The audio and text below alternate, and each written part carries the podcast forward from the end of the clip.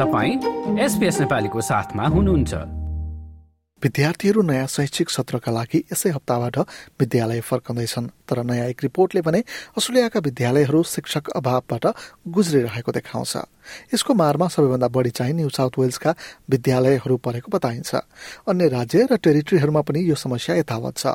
अस्थायी रूपमा समस्या समाधानका लागि सेवा निर्वृत्त भइसकेका टेरी मोरिएट्री जस्ता हजारौं शिक्षकहरूलाई विद्यालयमा शिक्षक अभाव कम गर्न सहयोग गर्नका लागि आग्रह भएको छ।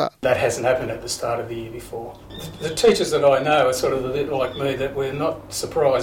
of getting asked, whereas we thought that perhaps by now we would have reached our use by date. रिपोर्टका अनुसार गत वर्ष न्यू साउथ वेल्समा मात्रै करिब दुई हजार फुल टाइम शिक्षकको अभाव देखिएको छ भने राज्यभरका करिब दस हजार कक्षाहरू शिक्षक अभावका कारण कि त रद्द गरिएका छन् या त अन्य कक्षासँग मिसाएर पढाइएको छ। रिजनल क्षेत्रमा समस्या झनै बढ़िरहेको बताइन्छ। ई सिक्सटी वान नामक इन्स्टिच्युटले गरेको अध्ययनमा रिजनल क्षेत्रमा काम गर्नका लागि शिक्षकहरूले त्यति इच्छा नदेखाउने गरेको बताइन्छ। गणित अंग्रेजी विज्ञान जस्ता विषयहरूमा शिक्षक अभाव रहँदा विद्यार्थीहरूको नतिजामा पनि फरक परेको बताइन्छ। हाल एक सय पचहत्तरवटा विद्यालयहरूले गणित र अंग्रेजी शिक्षकको माग गरिरहेका छन्।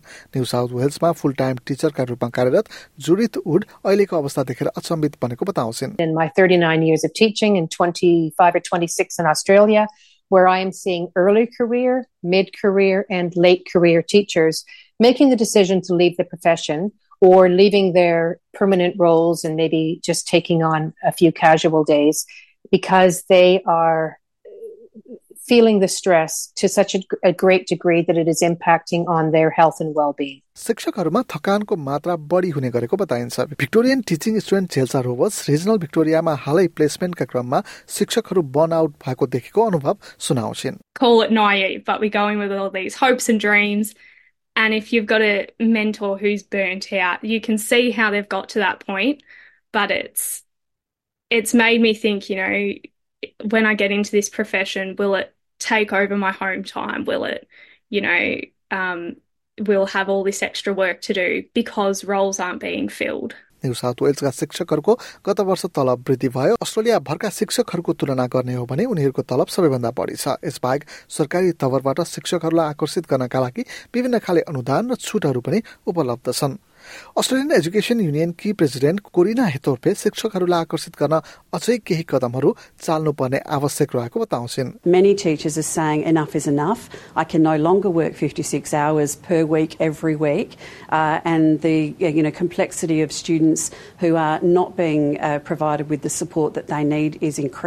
शिक्षा विभागका प्रवक्ताले भने एक विज्ञप्ति जारी गर्दै समस्या समाधानको प्रयास भइरहेको बताएका छन्। यो जस्तै अन्य प्रस्तुति सुन्न चाहनुहुन्छ? एप्पल पोडकास्ट गुगल पोडकास्ट स्पोटिफाईमा हामीलाई खोज्नुहोस् वा तपाईँले पोडकास्ट सुन्ने अन्य सेवामा।